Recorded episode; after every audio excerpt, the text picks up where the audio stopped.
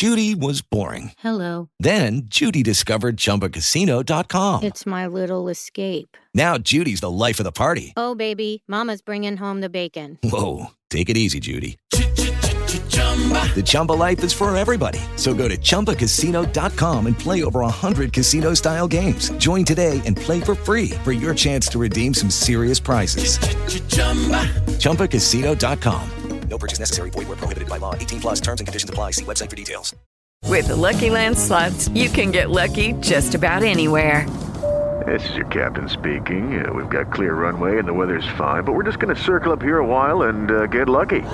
No, no, nothing like that. It's just these cash prizes add up quick. So I suggest you sit back, keep your tray table upright, and start getting lucky. Play for free at LuckyLandSlots.com. Are you feeling lucky? No purchase necessary. Void where prohibited by law. 18 plus terms and conditions apply. See website for details. Dzień dobry, witam Państwa serdecznie po raz kolejny na moim kanale. Dalej zajmuję się podstawami makroekonomii. Dzisiaj chciałam powiedzieć kilka słów o równowadze na rynkach finansowych i na rynku pieniężnym.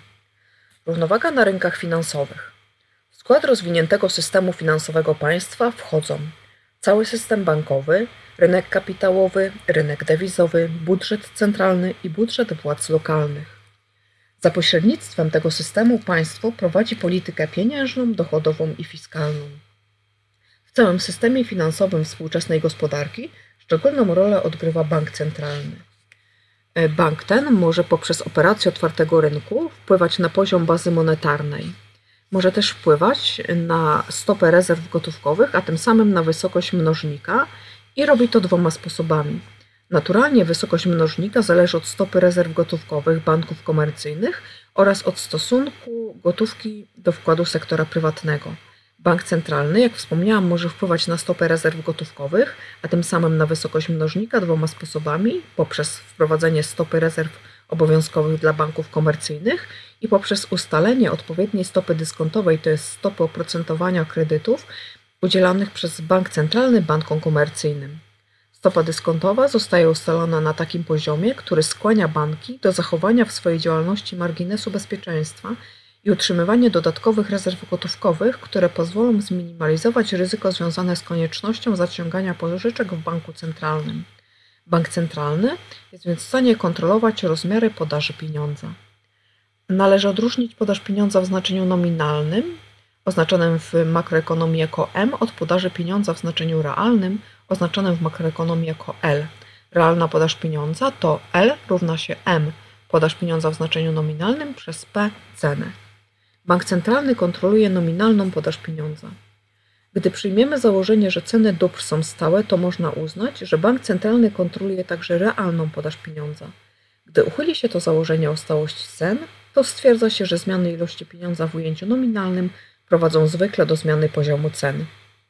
Bankowi centralnemu jest wówczas znacznie trudniej kontrolować realną podaż pieniądza. Popyt na pieniądz to popyt na zasoby pieniądza w ujęciu realnym. Wielkość zapotrzebowania na pieniądz realny zwiększa się wraz ze wzrostem realnego dochodu, natomiast spada wraz ze wzrostem poziomu nominalnej stopy procentowej. Równowaga na rynku pieniężnym.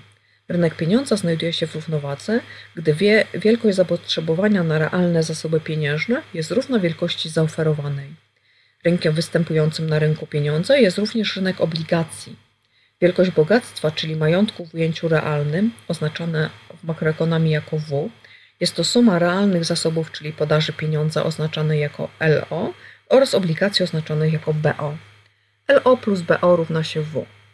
A, a to się równa L do D plus B do D.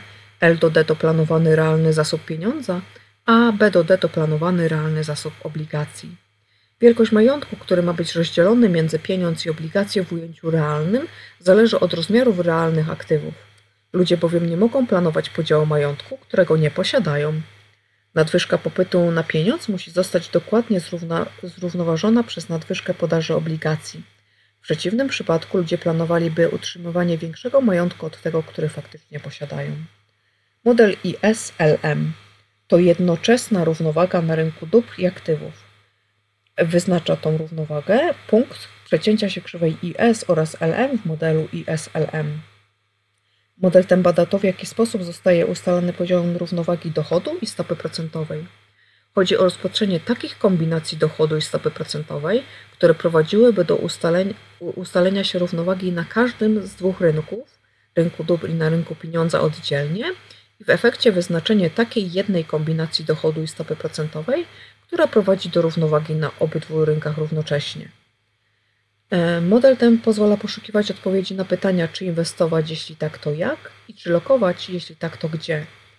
Dzięki temu modelowi można badać zależność między popytem inwestycyjnym a stopą procentową oraz przeprowadzać rachunek obecnych zysków w konfrontacji z wizją przyszłości i określić dyskontowanie zysków. Krzywa IS w modelu ISLM to zbiór różnych kombinacji dochodu i stopy procentowej, przy których rynek dóbr znajduje się w równowadze. Podkreślam, że chodzi tutaj o rynek dóbr. Krzywa IS obrazuje rynek dóbr w równowadze. Im wyższa stopa procentowa, tym niższy popyt inwestycyjny. Równowaga na rynku towarowym ma miejsce, gdy oszczędności i podatki równają się sumie wydatków inwestycyjnych i budżetowych. Krzywa IS, rynek dóbr, konstrukcja graficzna i właściwości. Rynek dóbr znajduje się w równowadze wówczas, gdy krzywa popytu globalnego przecina linię pod kątem 45 stopni. Oznacza to, że łączny popyt i faktyczny dochód są sobie równe. Gdy nie ma odroczenia w konsumpcji lub produkcji, warunek ten łączy się z równością planowanych inwestycji i oszczędności. Nastąpi to w punkcie, w którym planowane inwestycje i zrównają się z planowanymi oszczędnościami S. Można to wykreślić na układzie współrzędnych. Na osi oznacza się produkcję y, zrównaną z dochodem, a na osi pionowej zamierzone wydatki.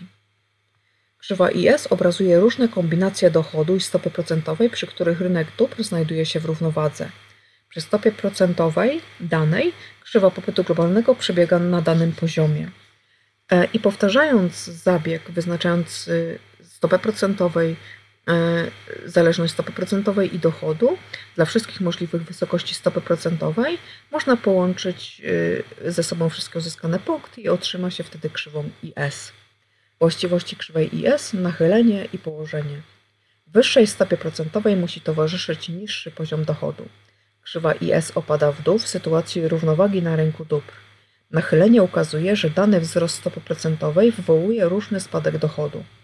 Położenie krzywej IS zależy od wrażliwości popytu inwestycyjnego i autonomicznego popytu konsumpcyjnego na zmiany stopy procentowej. Im większe będą ograniczenia popytu konsumpcyjnego i inwestycyjnego, czyli popytu globalnego, pod względem określonego wzrostu stopy procentowej, tym większy będzie spadek poziomu dochodu zapewniającego równowagę i tym mniejszy będzie kąt nachylenia krzywej IS. Będzie ona płaska. Jeżeli zmiany stopy procentowej wywołują tylko niewielkie przesunięcia krzywej popytu globalnego, wpłyną one tylko w minimalnym stopniu na poziom dochodu odpowiadający warunkom równowagi, i krzywa IS będzie bardziej stroma.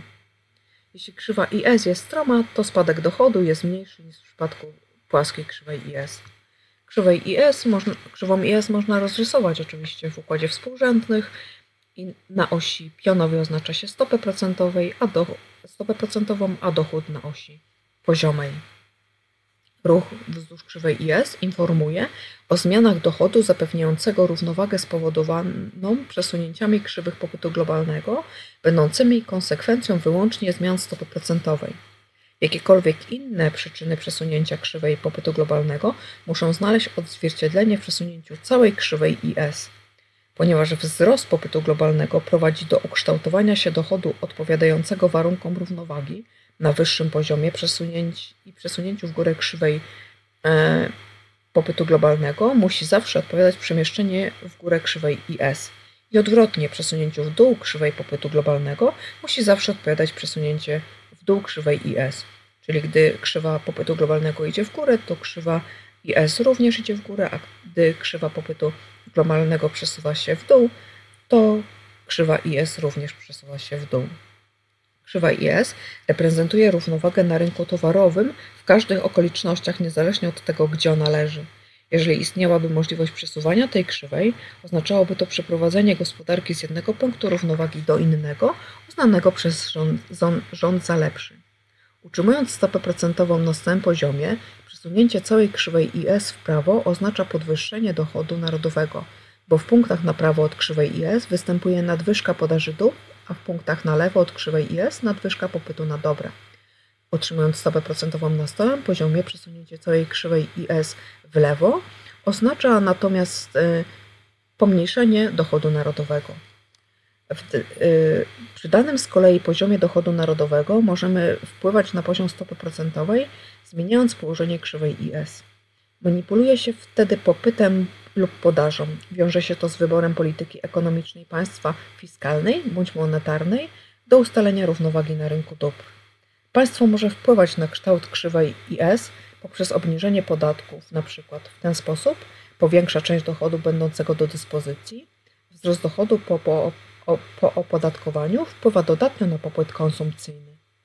Zwiększone wydatki konsumpcyjne przez efekty mnożnikowe doprowadzają do zwielokrotnionego przyrostu produkcji i dochodu narodowego. Państwo może wpływać również na krzywą IS poprzez podejścia do kształtowania dochodu gospodarstw domowych. Gospodarstwa domowe, w zależności od proporcji tego, ile mogą oszczędzać, a ile konsumować, wpływają na położenie krzywej IS. Poza podatkami, państwo posiada w swym ręku możliwość regulacji wydatków publicznych.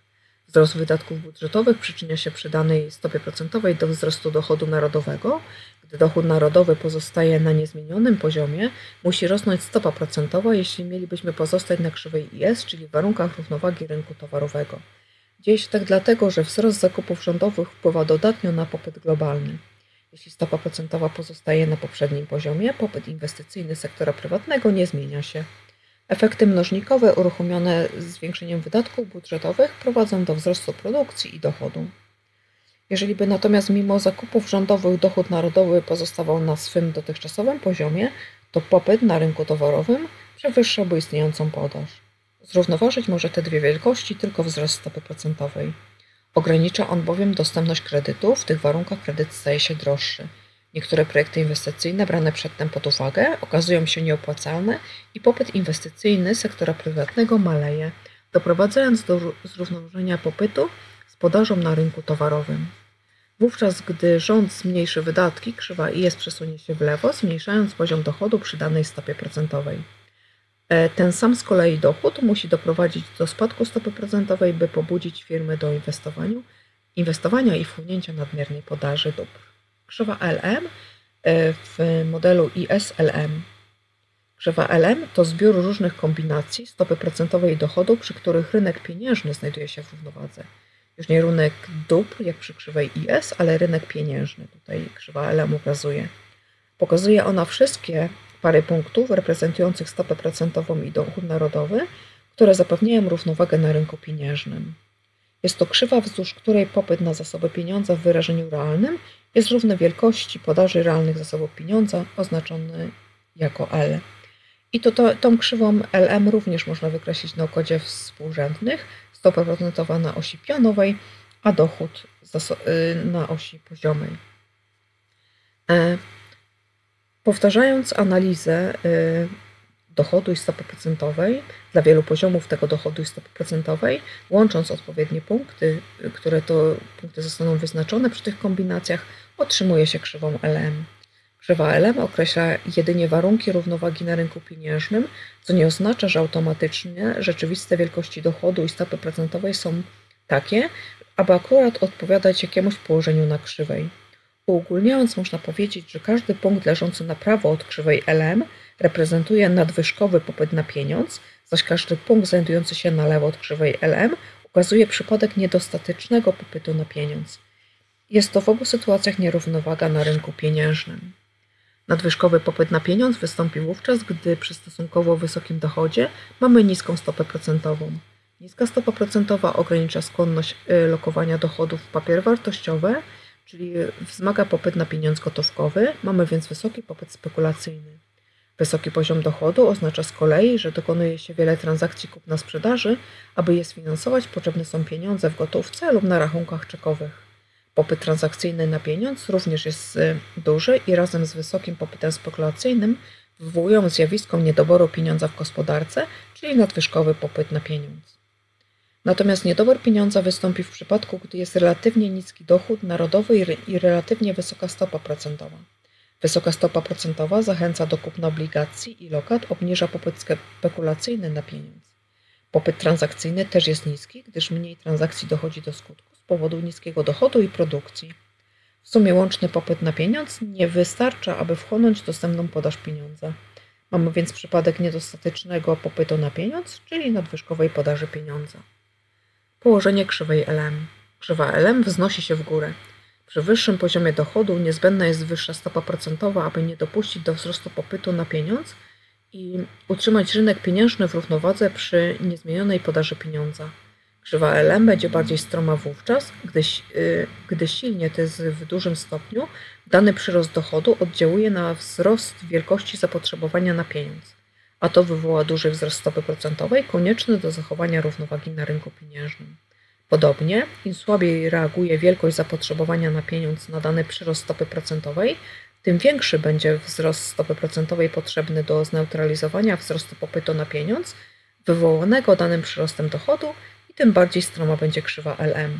Natomiast w odwrotnej sytuacji, im silniejsza będzie reakcja wielkości zapotrzebowania na pieniądz na zmiany stopy procentowej lub z kolei słabsza będzie owa reakcja na zmiany dochodu, tym bardziej płasko będzie przebiegać krzywa LM.